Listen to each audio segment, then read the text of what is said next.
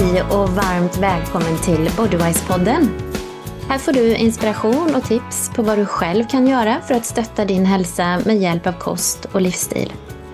Jag som gör den här podden heter Ulrika Elofsson och driver företaget Bodywise.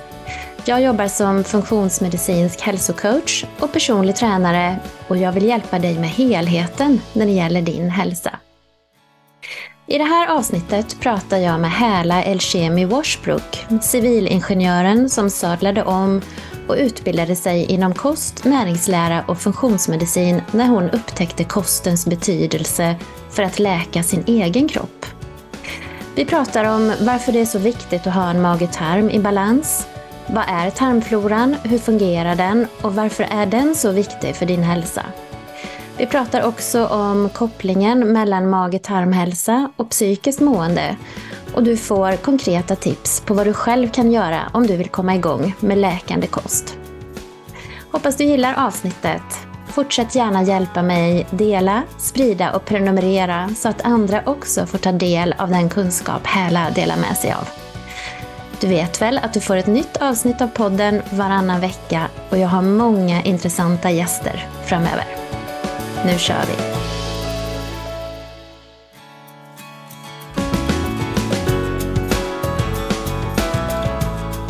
Hej och varmt välkommen till Bodywise-podden Härla. Tack.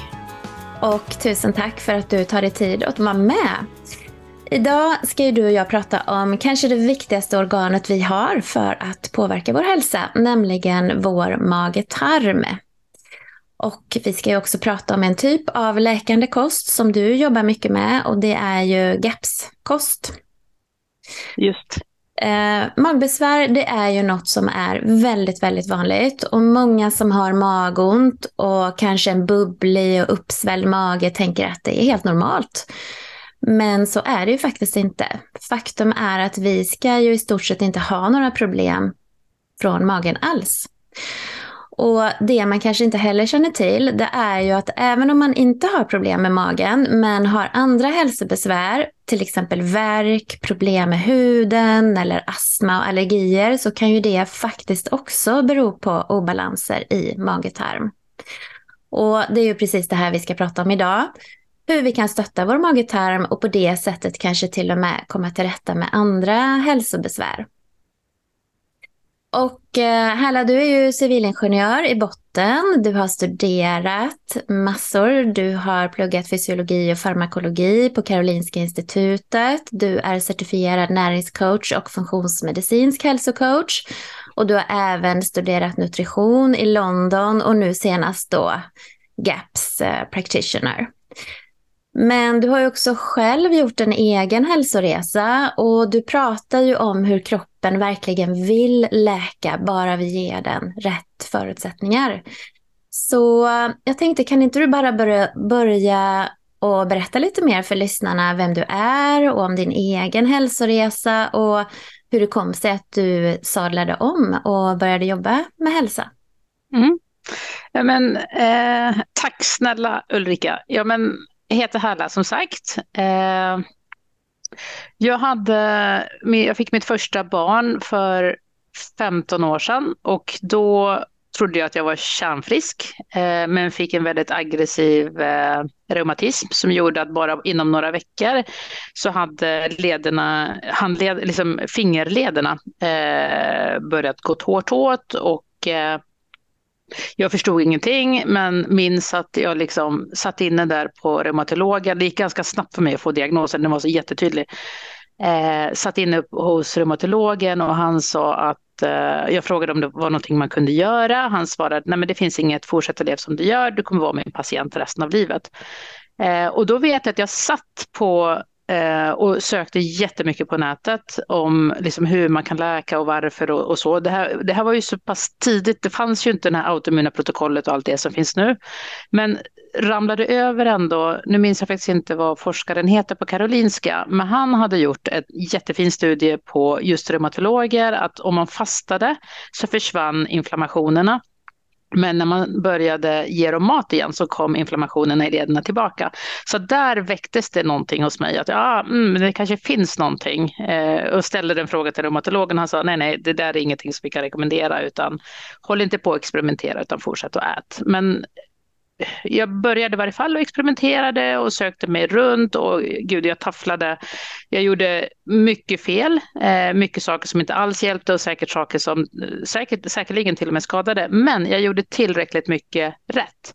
Mm. Eh, Men hur att, åt du innan då? Alltså levde åt du, som man skulle säga, helt normalt eller? Ja, men jag åt ändå, tyckte jag, nytt nyttigt.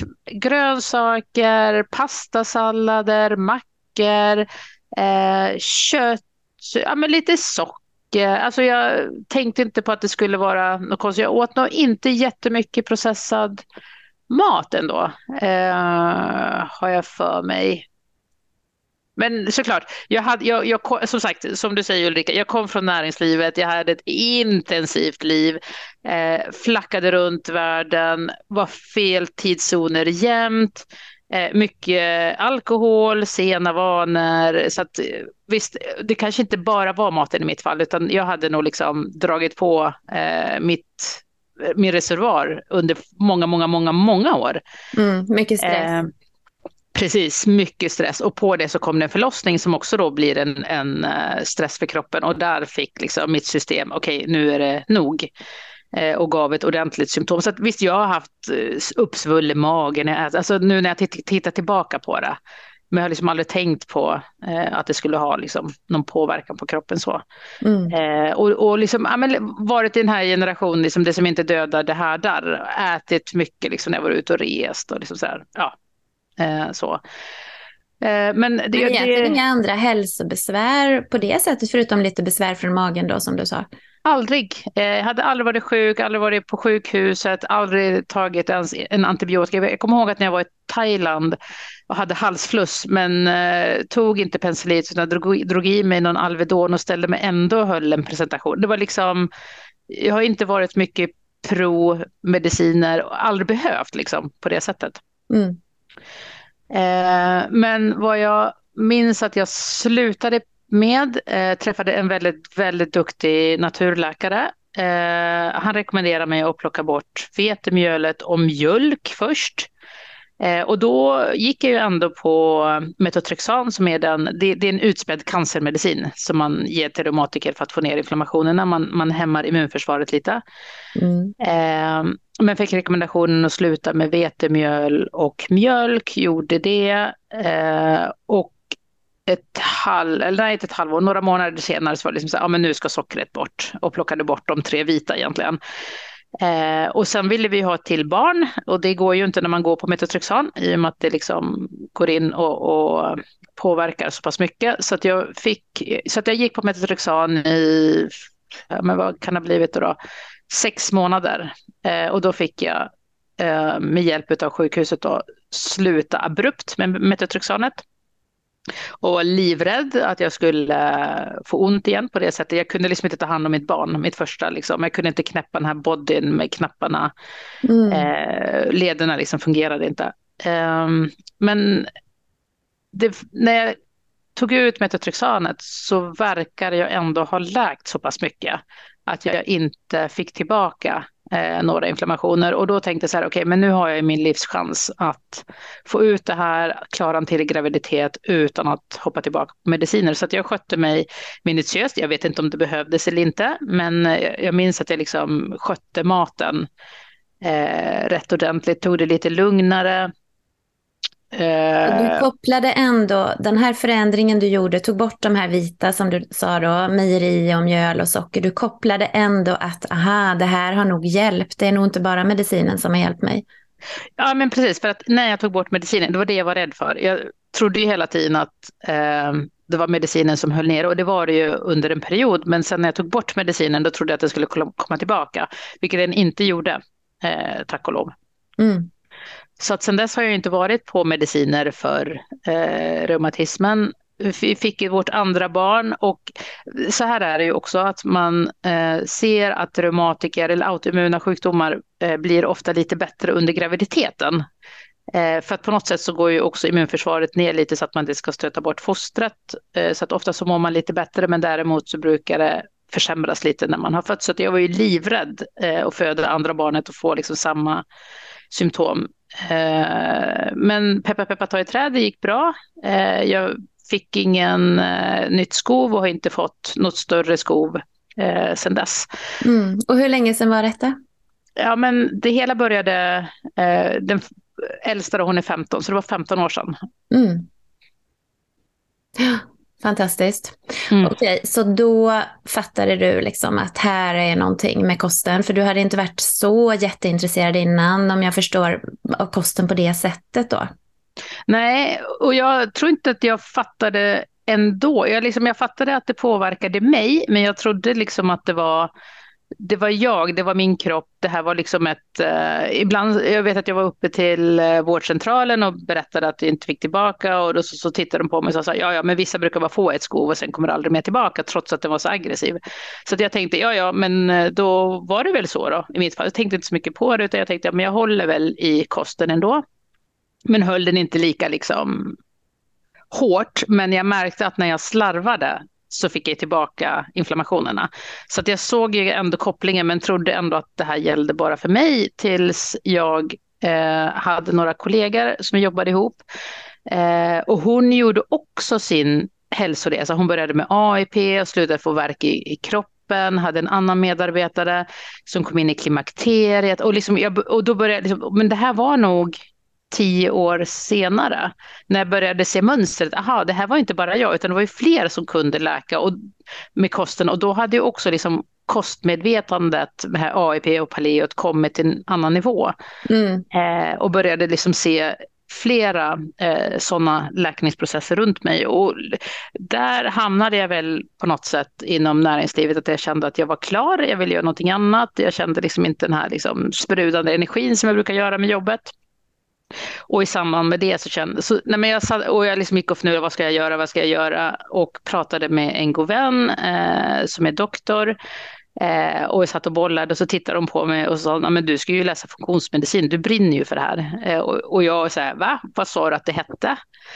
Eh, typ så, så pekade hon mig på eh, Paleo Institut och hon pekade mig på de här kurserna på Karolinska och det här ska du läsa. Liksom. Så då sa jag upp mig och liksom tog eh, ett ja, men ett, ett och ett halvt års liksom, råplugg igen. Så jag satte mig på skolbänken. Mm, wow. Mm, så det var så jag började. Mm. Ja. ja, men det är så här att många av oss som jobbar med det här, vi har ju egna hälsoresor i botten och man har ju sett liksom vilken kraft det finns i när man gör en livsstilsförändring att faktiskt läka kroppen. Och precis som du säger, kroppen vill ju hjälpa oss när vi ger den rätt förutsättningar. Eh, det svåra idag är ju att kosten idag, alltså mm, det är ju normalt att äta mjöl och mejeri och vi tror att det är en bra kost för kroppen ju, men för många är det ju faktiskt inte det. Många skulle må mycket, mycket bättre om man plockade bort det här. Mm, jag, håller, jag håller helt med och jag är liksom så fascinerad för att ju mer jag läser, desto mer jag ser, så har liksom, kroppen är så otroligt smart. Den har liksom sin prioordning eh, på liksom, hur den jobbar när den inte får det den behöver. Att den jobbar med att liksom, tillgodose de vikt, liksom, viktiga organen först och sen så ja, men naglar, hår och hud. Det kan man nästan se på först och man kan få lite symptom på magen och sådär. Mm. Eh, så att det, ja, men den är, är det fascinerande. Mm, verkligen. Men du, du har ju då eh, verkligen utbildat dig inom hälsa om man säger så. Och du fortsätter ju hela tiden att utbilda dig och nu senast då så har du ju även utbildat dig inom det här med GAPS och GAPS-kosten. Och du nämnde ju AIP innan. Vi har ju pratat bland annat med Mia från Via Ventri i avsnitt 1. Hon har ju använt sig av den här AIP-kosten, autoimmun läkande kost då. Men GAPS är ju också en typ av läkande kost, fast där tar man ju bort andra saker och man jobbar på lite annat sätt. Kan du inte berätta lite om eh, GAPS och hur det kom sig att du valde att utbilda dig inom GAPS? Mm. Men jag, grejen är att de bygger ju på samma plattform, både Paleo, AEP och GAPS. Eh, det är att man plockar bort det som är mest eh, inflammatoriskt och stör kroppen. Men sen har de liksom fått lite olika eh, vinklingar på det hela. Och vad är det som är mest inflammatoriskt och stör kroppen? Vad är det man plockar? Ja, vad är gemensamt? Alla processade. Ehm, all processad mat egentligen. Man plockar bort vetemjöl, man plockar bort socker, man plockar bort mjölkprodukter som inte är fermenterade. Eh, och sen så plockar ju GAPSen även bort eh, sötpotatis, det gör ju inte AIP, eh, och palsternacka, så att de här stärkelserika plockar man bort för att inte göda eh, tarmfloran. Så att de, de är, de, basen är samma, men sen har de liksom ändrat liksom strukturen på hur man gör den. Mm. Så att om jag ska säga, som jag brukar säga till patienterna, skillnaden mellan GAPS och AIP, det, du har ju fortfarande alla steg, att man går igenom olika faser när man återintroducerar. Eh, AIP är en tuff eh, metod att följa, men GAPSen är ännu mer strikt. Eh, den är ännu mer uttalad läka mage-tarm eh, i och med att man, liksom, man har bortsett från vad man tar bort, som man också gör i AIP, så har man också inom GAPSen vad man ska äta. Vilket gör att liksom, de första stegen är väldigt mycket köttbuljong för att läka magetarm och stötta levern. Man får in surkål. Det är så uttalat vad man ska äta för att bygga eh, tarmfloran. Eh, och, och, och, det är lite det som attraherar mig relativt AIP. AIP är inom citationstecken Liksom, den är lättare att ha ett vanligt liv till, även om den är väldigt begränsande. Mm. Eh, så gapsen är snävare, men också, tycker jag, mer prominent, mer uttalad eh, vad du ska äta. Ja, just det. För att stötta kroppen då egentligen. Precis, ge den byggstenar och, och stötta mm. kroppen. Mm. Men varför är det så viktigt då att stötta tarmen och eh, mikrobiomet? Eh, kan inte du berätta lite om det? Jo, men det, det, är där allting börjar. Man säger ju att det är liksom det, det är the second brain, andra hjärnan i kroppen, då immunförsvaret med tarmfloran. Dundrar du på med, med, stress och då vill jag verkligen understryka att mat är stress, kan, eller kan vara stress. Men det kan ju också vara stress i form av att det är något som har skett eller att man sover dåligt eller att man får i sig väldigt mycket toxiner. Så att olika typer av stress för kroppen, att kroppen behöver hantera någonting som är onormalt, eh, mm. går in och stör tarmfloran och det är ju liksom i tarmen som vi, det enda sättet vi får i oss näring. Eh, vi ska kunna bryta ner den mat vi äter till små beståndsdelar för att de olika organen ska få sina byggstenar och kunna fungera på ett optimalt sätt. Mm. Och vad är tarmfloran då, mikrobiomet, för de som inte känner till det? Ja, men tarmflora är olika bakterier eh, som hjälper och liksom skickar signaler till andra delar av kroppen. Eh, I stora drag. Mm. Ja, men det är ju, man kan ju också säga att vi har ju mängder med mikroorganismer som bor i våra tarmar. Vi har ju faktiskt eh, eh, flera kilo mikroorganismer i våra tarmar och vi har ju, de är ju fler till antalet än vad vi har celler på kroppen. Ju. Och vi vet ju idag att de här mikroorganismerna, de styr ju, precis som du säger, otroligt mycket av vår hälsa. Alltså 70 procent av vårt immunförsvar sitter ju i tarmen och de här mikroorganismerna de styr eh, sömn, vakenhet, hormoner, signalsubstanser, om vi blir överviktiga eller inte. Alltså, ja, de är ju jätte, jätteviktiga. Så det är väldigt, väldigt viktigt att ta hand om våran mage-tarm. Mm. Mm. Um, och det är ju det här då som GAPS syftar väldigt mycket till. Då. Exakt. exakt. Uh, och hur gör man det då inom GAPS? Du nämnde ju fermenterat och så här. Ja, men GAPSen har ju då eh, sex olika steg om jag liksom, eh, generellt beskriver den. Så att om man för tarmfloran i början, så ofta när man hamnar på GAPS eller någon annan läkningsprocess så har du ju en mer ska säga, the bad guys, en tarmflora som är obalanserad. Så du har ett antal patogener, bakterier som du inte vill ha i tarmen. Och så har du lite mindre av det du vill ha, vilket gör att liksom, eh, kommer inte på det svenska ordet, eh, the battlefield. Eh, Mm, men, slagfältet eller? Slagfältet i magen, i tarmarna mellan de goda och de onda blir ju liksom de onda får lite övertaget. Så att vad du gör med gapsen det är att du försöker öka de goda och svälta ut de onda. Så jag har ju många patienter som kommer och säger ja men fibrer, alla säger att vi måste äta fibrer, varför får jag inte äta fibrer? För att i början på GAP så tar man bort alla fibrer. Och då är det ju lite för att om du har en obalanserad tarmflora och ger dem fibrer så matar du båda i samma proportioner. Men det du vill, du vill ju liksom svälta ut de dåliga och mata på de goda så att du tar bort fibrerna för att få ner de dåliga och så ger du surkål eh, och fermenterade, hemmafermenterade mjölkprodukter för att mata på de goda. Så att du mm. gör liksom en dubbel eh, aktion där i, i tarmen. Just det. Men varför blir det så här? Då? Varför har vi obalans i tarmen? Har inte alla liksom en tarmflora som är som den ska vara så att säga? Och jag önskar. Nej, men vi, det, och det, är ju, det kommer ju tillbaka till liksom hur vi äter, hur vi dricker, vad vi får i oss, om vi får i oss bakterier, om vi äter mat som matar på de dåliga. Vi har, alla har ju candida i kroppen. Äter man väldigt mycket kolhydrater och socker så ökar ju candida. Det blir, liksom, det blir en, en obalanserad tarmflora. Mm, och candida är ju eh. den här äh, gästsvampen då. Precis, som äh, kan vara involverad i väldigt många ja. hälsoproblem i kroppen faktiskt. Exakt. Allt huvudvärk, trötthet, dimhjärna till klåda och Ja. Exakt, och det är en av dem. Sen har du en massa andra patogener, eh, liksom dåliga bakterier som kan få en överväxt eh, i tarmen. För att du, och, liksom, det, det du matar är ju det som växer. Matar du inte på de goda bakterierna med den näringen som de behöver, då minskar den och då så ökar du på de andra som är liksom mer stärkelserikt eh, gödande. Mm. Så det är viktigt att mata på de goda då för att få en hälsosam och stark och balanserad tarmflora då? Exakt, exakt. Mm. Eh, och du nämner ju då fermenterat. Du sa att man tar bort alla mejeriprodukter förutom fermenterat då. Så då kan man äta yoghurt, vanlig yoghurt eller? Nej, hemmagjord. och det, det, är det här som jag gillar med GAPS, att det, det är så tydligt protokoll för att Eh, du börjar med vassle, så du, ett, du behöver fermentera eh, mjölk eller grädde hemma eh, för att göra yoghurt. Den yoghurten som finns i affären är inte färdigfermenterad, vilket in, innebär att den innehåller laktos och det är det som många reagerar på. Även om du skulle köpa laktosfri eh, yoghurt så, så har du inte, du, de fermenterar en kortare tid, så 8 timmar, 12 timmar. Vi behöver fermentera den eh, i 24 timmar. Både för att få bort laktosen men också för att börja nedbrytningen utav kasinat. Eh, vilket gör att vi tål det mycket bättre och kroppen kan ta upp den på ett helt annat sätt.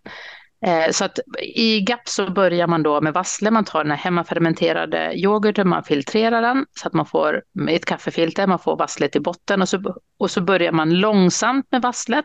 Många kan reagera på det på grund av att det är liksom, du drar igång ett antal reaktioner och då vill då kan du få reaktioner i kroppen. Eh, av positiv form, reaktioner i kroppen. Utav, utav, liksom det är bra att det sker reaktioner men dock så vill du att du, du vill orka med reaktioner så att de inte blir för häftiga. Mm. Eh, så du börjar med vasslen, långsamt ökar den eh, i buljongerna och sen så lägger du till yoghurt, samma sak där, du börjar med en tesked och ökar upp och sen sist så kör du kefiren för den är så väldigt potent. Mm. Så GAPS är, man gör det i flera olika steg då. Så i början plockar man bort väldigt mycket, men samtidigt så tänker man ju då läkning för tarmen då. Och det är då alla de här buljongerna och detta kommer in i första steget, eller hur? Exakt. Så mm. det, det, är, det, det som jag gillar också, alltså det som jag också gillar med GAPS, det är att man hela tiden utmanar kroppen, att man inte fastnar på ett steg, att man inte fastnar på intro.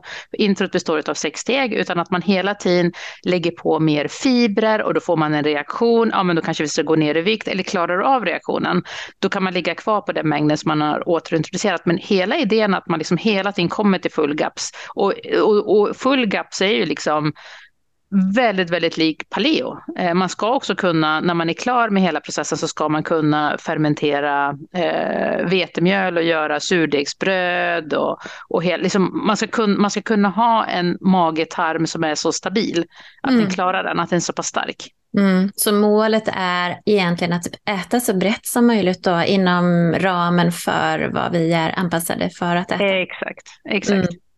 Mm. Okej, okay, men nu när du berättar om de här alla olika stegen och fermenterat och buljonger så kanske många tycker att det låter väldigt krångligt och varför ska man krångla till maten på det här sättet? Ja. Um, vad, vad tänker du kring någon som har den kommentaren? Vad...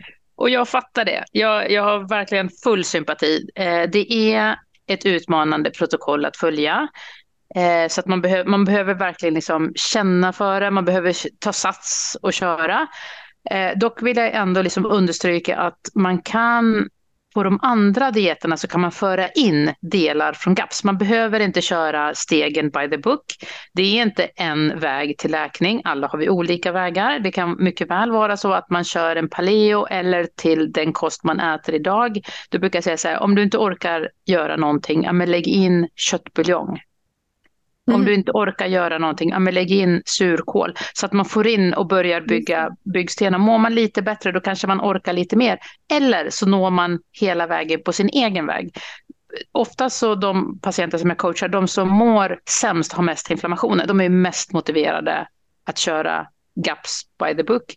Mm. Eh, och den är tuff.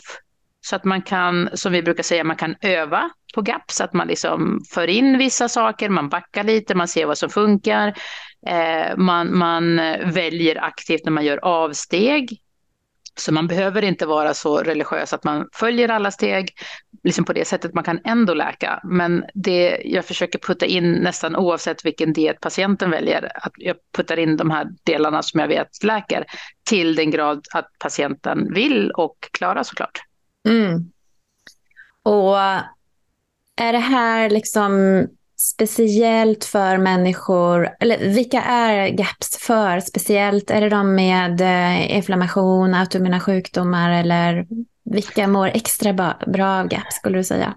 Alla som behöver läka skulle jag säga. Eller om jag säger så här, då, alla som orkar med GAPS. Mm. Eh, man kan ju börja med intro-GAPS med massa buljonger eller så börjar man på full GAPS som är lite bredare och då är det lite här att man, liksom, ja, man för in saker från intron som man mår bra av. Så den som, eh, jag kan inte säga att den här typen får snabbast respons på GAPS, utan det beror lite på patientens eh, ork. Vad orkar de med? Vilka förändringar kan de göra? Eh, vad är de villiga? För det spelar liksom ingen roll att jag rekommenderar GAPS om man inte orkar följa den. Då, då läker det inget. Mm. Så jag, jag har ju haft eh, både barn som har köpt GAPS, autistiska barn, och föräldrarna har sett jättestora förbättringar. Jag har mm. haft vuxna som har varit utbrända och ursäkta, kört GAPS by the book och har varit tillbaka på halvtid efter ett par månader. Eh, jag har haft, alltså det, det, är så, det är så olika. Mm. Eh, men det låter ju fantastiskt, för det du nämnde nu, det är ju ändå kopplingen till hjärnan och hjärnhälsa. Berätta Precis. lite mer om det. Du nämnde liksom GAPS och just med autism och sådär. Hur... Mm. Hon, hon som skapade GAPS, eh, Dr. Natasha Campbell McBride, hon, det hela började ju med att hon hade en son som var autistisk och satte ihop det här protokollet och skickade eh, sin son hem till sin, jag kommer inte ihåg om det var mormor eller eh, mor, eh, som hade möjlighet till råmjölk och liksom eh, grundmat, renmat. Eh, och läkte ut autismen. Det, det, var ju så hon liksom startade och sen så ville hon få ut den. Så det är ju en läkare i botten som har provat, eh, provat det här på sitt eget barn, läkt ut autismen och sen liksom gått ut på ganska bred front. Och då var hennes eh, första mer eh, fokuserad på neurologiska sjukdomar, ADHD, ADD, eh, dyslexi, autism och sen har hon liksom breddat ju mer patienter hon har fått, att liksom, mm. autoimmunitet, inflammationer liksom, och andra obalanser. Mm. Men det är ju jätteintressant det du säger, liksom just den här kopplingen mellan eh, tarmhälsa och hjärnhälsa. Ju. Verkligen. Ja, men, och det hänger ju ihop, det, som vi började säga Ulrika, att liksom, ja, men the second brain, om det inte är the first brain. Frågan är liksom vem det är som styr vem. Är det så att det är en läckande tarm och en dålig tarmflora som påverkar hjärnan eller är det hjärnan som påverkar tarmfloran? Nu verkar det ju, liksom, ju mer man tittar på forskning så verkar det vara att tarmfloran påverkas mycket mer, eh, vårt mående och hjärnan, än vad mm. man innan har trott. Mm. Och där har vi ju den här viktiga vagusnerven som ju är mm. en eh, förbindelse mellan magetarm och hjärnan. Och det här vet man ju genom, man har ju i forskning sett, man har ju studerat Parkinson-patienter till exempel och sett liksom de förändringarna man ser i hjärnan hos Parkinson-patienter. man har också sett liksom förändring i tarmfloran där då. Exakt, exakt. Så superspännande. Du var inne på, du pratade om läckande tarm också här. Vad, kan du berätta lite mer om det? Mm. Vad är det något? Men vi har ju tarmen då som är ett jättestort organ och den ska ju hålla ute maten eh, från kroppen. Så den ska ju vara tätslutande. Det ska ju bara vara vår, våra näringsämnen som ska kunna komma igenom den när man har brutit ner maten i mindre beståndsdelar. Har man Just det, för att näringsupptaget ska kunna ske då. Exakt. Upp i tarmslemhinnan och vidare ut i blodet. Exakt, exakt. Eh, har man då dundrat på med stressiga orsaker av olika anledningar, om det är mat eller liksom allmän stress i livet, så, så blir den här tarmfloran, tight junction som de heter, som då är väldigt tät, den blir lite mer jag vet inte om man kan säga porös, men den blir läckande. Du får lite mer utrymmen mellan cellerna, vilket gör att andra större delar av maten kan läcka ut ur blodomloppet och då dra igång immunförsvaret för att immunförsvaret hittar saker i blodet som egentligen inte ska vara där. Mm. Och då får du en immunreaktion eh, på det. Så där är också liksom basen i GAPS att täppa till eh, tarmen så mycket som möjligt för att slippa, eller för att sluta få det här läckaget ut i, i blodet. Mm. Precis, för att när det kommer ut ämnen, precis som du nämnde, när det kommer ut ämnen i blodet som inte ska vara där, då ser ju kroppen det som inkräktare och måste ta hand om det och då får vi ju en immunförsvarsreaktion ju. Och pågår det här hela tiden så går vi ju med ständigt höjt immunförsvar och det är ju det som kan leda till de här autoimmuna sjukdomarna, allergier, värk, astma och så vidare då. Så, Exakt. Mm. Ja, spännande. Alltså kosten är ju fantastisk. Eh, mm. Ett fantastiskt verktyg för att läka mm. kroppen, verkligen. Mm. Men det kräver ju också lite grann av oss. Uh, alltså vi som hälsocoacher, du som hälsocoach, du kan ju tala om för folk vad de ska göra, men uh, det är ju ett arbete också. Absolut, och jag säger hela tiden till patienterna, det är inte jag som är jobbet, det är patienterna. Jag kan bara peka åt något håll, mm. eh, men det är de som gör jobbet. Det är, är helt fascinerad. Mm. Det är ett stort jobb.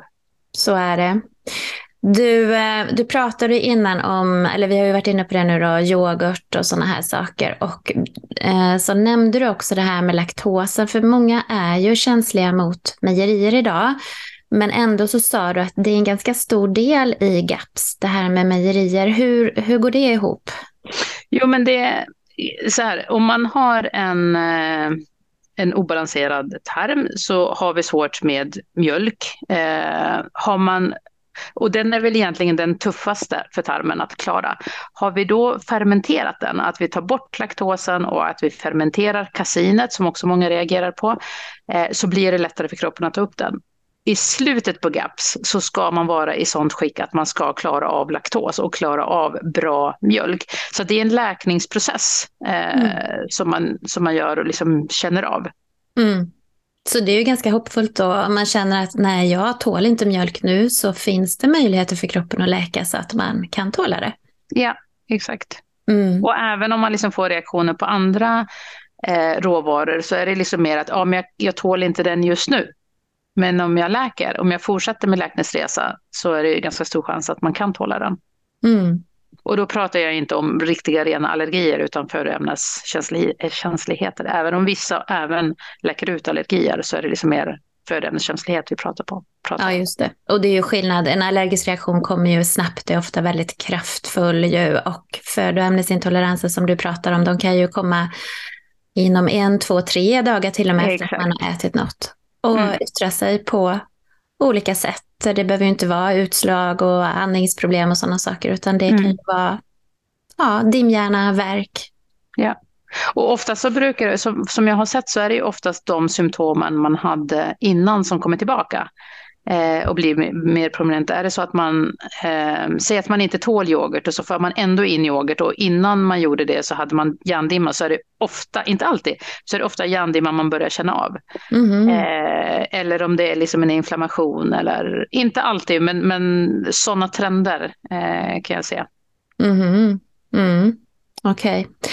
Men du, om man nu känner så här, äh, men jag, jag vill verkligen testa och läka min kropp på det här sättet och jag skulle vilja testa GAPS. Har du konkreta tips för hur man kommer igång? Ja, men antingen, det jag verkligen rekommenderar, det är ju faktiskt att läsa boken eh, som Natasha har skrivit. Det är Gut and Psychology Syndrome.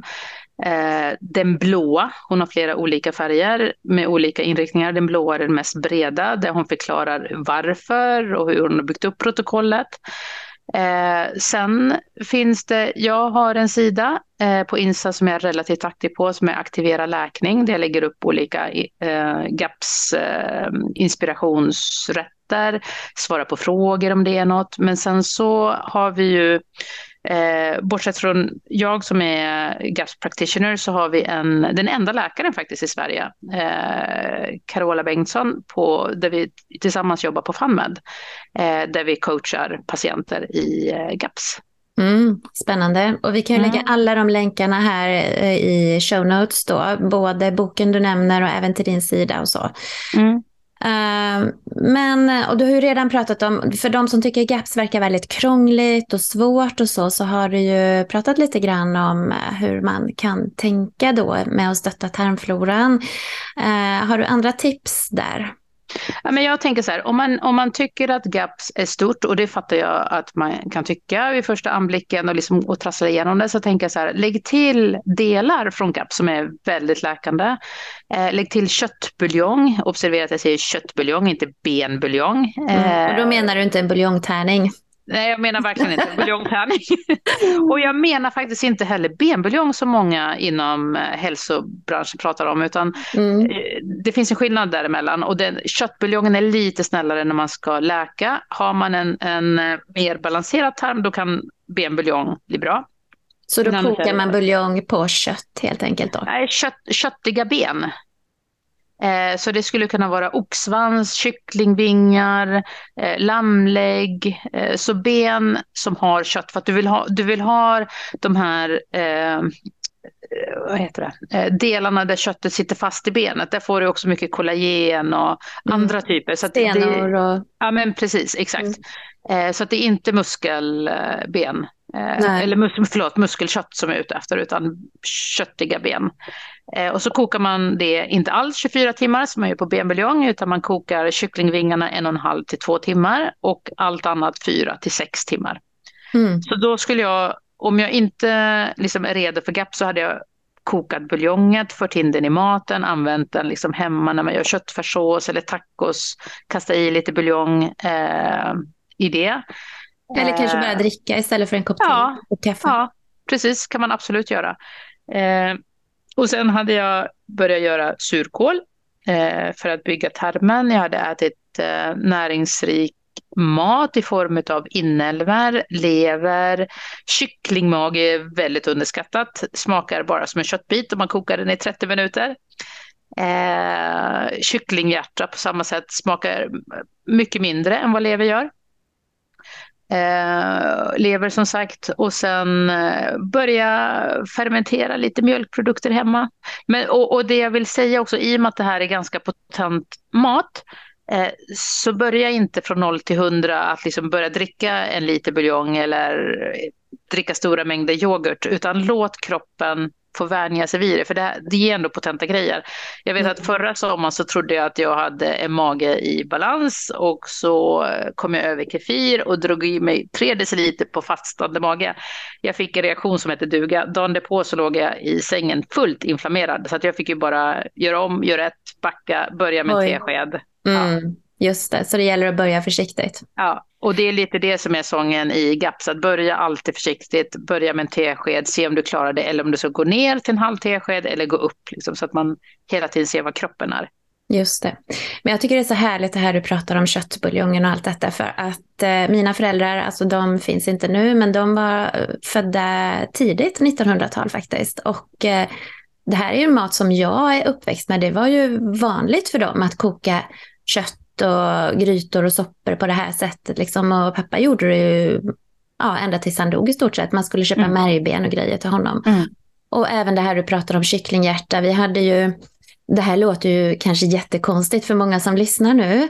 Men för det var ju inte allt för länge sedan som vi åt den här typen av mat och tog mm. vara på hela djuret. Och vi hade ju faktiskt några ukrainska flyktingar boende hos oss eh, förra året och jag köpte ju kycklinghjärta då för de ville ha det. Det var mm. någonting som de åt regelbundet och tyckte det var jättegott så jag fixade ju till kycklinghjärta och vi åt där och så. Mm. Um, sen, ja det är ju jättegott men det är ovant för oss och många av oss får ju kanske kämpa lite med det här uh, tanken då. Många tycker det är lite, ja äckligt kanske att äta hjärta mm. och allt sånt där. Men när man tittar på ditt Instagram då ser man ju både det ena och det andra fladdra förbi. Nej, men, och, och det, man kan börja, jag tror att det är Gröna Gårdar om jag inte helt fel på det, som har en organfärs. Där de har malt ner organ och då blir det också liksom en mjuk övergång. Mm. Eh, men jag håller helt med dig Ulrika, att det, det sitter mer i hjärnan eh, än att det smakar konstigt. Mm. Eh, så att, ja, försök testa och barnen kan vänja sig vid det och liksom bli en naturlig del av kosten. Ja, precis. Och det här då, nu säger du att man ska komma igång och fermentera också, men man kan ju också köpa surkål, eller hur? Men precis, kan, berätta ja. lite hur man ska tänka när man köper surkålen. Nej, men det viktiga med surkålen det är ju att den står kallt när man köper den eh, och att den inte är pasteuriserad, att, den är liksom, att bakterierna faktiskt är levande. Kistelvind har en. Eh, jag, jag, vet att det har snurrat andra märken också som inte är pasteuriserade. Eh, jag vill ändå slå ett slag för att göra själv eh, av den anledningen att en burk tistelvind så får du säkert tre månaders konsumtion om du gör det själv. Det är första gången som är lite mäckigt innan man fattar hur man ska göra det. Men det är så, har du väl gjort det en gång så kommer det på ren, liksom, det är bara att lära sig nytt. Mm. Eh, så det, ja, men det, man gör det en söndag eller en lördag och sen så har man några månader. Mm. Och den blir, den blir faktiskt mer potent, den du gör ja. hemma, än tistelvind. Mm. Och det finns ju grupper man kan gå med på Facebook och man kan ju googla och se hur man ja. gör om man vill komma igång med fermentera. Och fermentera kol till exempel kan ju vara lätt att börja med. Sen kan man ju fermentera allt möjligt. Exakt, har man bara kommit igång, jag vet att det var för ett och ett halvt år sedan så var jag nere till Paulssons Paleo. Jag, jag gillar verkligen inte surkål, eller gillade. Eh, men så var jag nere eh, hos eh, Paulssons Paleo och gick en kurs och nu så fermenterar jag allt möjligt. Det är ja. så gott och det är så enkelt när man väl liksom förstår det. Kul. Mm. Ja, nej, men nu har vi verkligen eh, pratat mycket här om att läka tarmen, varför det är viktigt och hur man kan göra det. Så tusen tack för all eh, information och eh, inspiration kring det här Helle. Det var superbra. Men är det någonting som du skulle vilja skicka med till människor som kämpar med sitt mående då, som känner att jag orkar inte må så här, men jag orkar inte heller göra allt det här som Härla pratar om här. Och jag har full, verkligen full respekt för det och jag tänker att börja smått. Mm. Eh, ta in, ta, vissa orkar, vissa har support utifrån att köra hela GAPS-protokollet när man mår jättedåligt, andra har inte det. Eh, börja smått, lägg till istället för att dra ifrån. Mm. Börja i den takt man orkar och mäktar med. Just det, det vi pratade om innan. Mm. Och mm. att liksom, och också att understryka att våra läkningsresor ser annorlunda ut. Det är inte liksom en väg för alla, utan man får ta de steg man orkar med och så liksom kommer kroppen att stötta mer, hjälpa mer. Liksom. Mm. Var kan folk hitta dig nu då, om de vill, eh, är nyfikna på att veta mer om dig och så? Ja, men antingen då aktivera läkning eller så jobbar jag ju som hälsocoach på FunMed. Precis. Så där är det enklast att nå. Ja, och jag länkar till det här också. Mm. Okej, okay, tycker du att vi har missat någonting eller har vi uh, täckt in det mesta kring tarmen här och GAPS nu tycker du? Nej, runt tarmen tycker jag det är super, superbra. Det, det jag bara vill understryka är att GAPS liksom har två ben, både läkande, tarmen, men också liksom detox eh, delen. Att man tittar över de toxiner man har för sig. Men det är liksom ett annat ben ner. Men man brukar köra alla eh, samtidigt. Mm. Okej, okay. det kanske kan bli ett annat avsnitt då. Avgiftning. Det kan det bli. och lever. det kan det bli. Okej, okay. men tusen, tusen tack för att du ville vara med och snacka om det här i podden Härla. Ja, men tack själv Ulrika för möjligheten. Verkligen.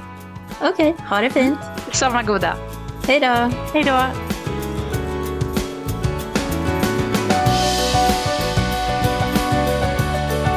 Du har lyssnat på Bodywise-podden med mig Ulrika Elofsson. Dagens gäst var Häla Elshemi Washbrook. I det här avsnittet pratade vi om hur du kan ta hand om din mage-tarm på bästa sätt. Vill du veta mer om Häla hittar du henne på Aktivera läkning på Instagram. Mig hittar du som vanligt via bodywise.se i sociala kanaler eller via min hemsida bodywise.se där du också kan boka tid för ett kortare hälsosamtal helt gratis. Tusen tack för att du har lyssnat. Hoppas du uppskattade avsnittet. Vill du höra fler intervjuer som denna? Kom ihåg att prenumerera på Bodywise-podden i Spotify eller Podcaster eller via min hemsida bodywise.se. Där kan du också läsa mer om mig och mina tjänster, boka rådgivning och kontakta mig. Ha en fin dag, så hörs vi snart igen.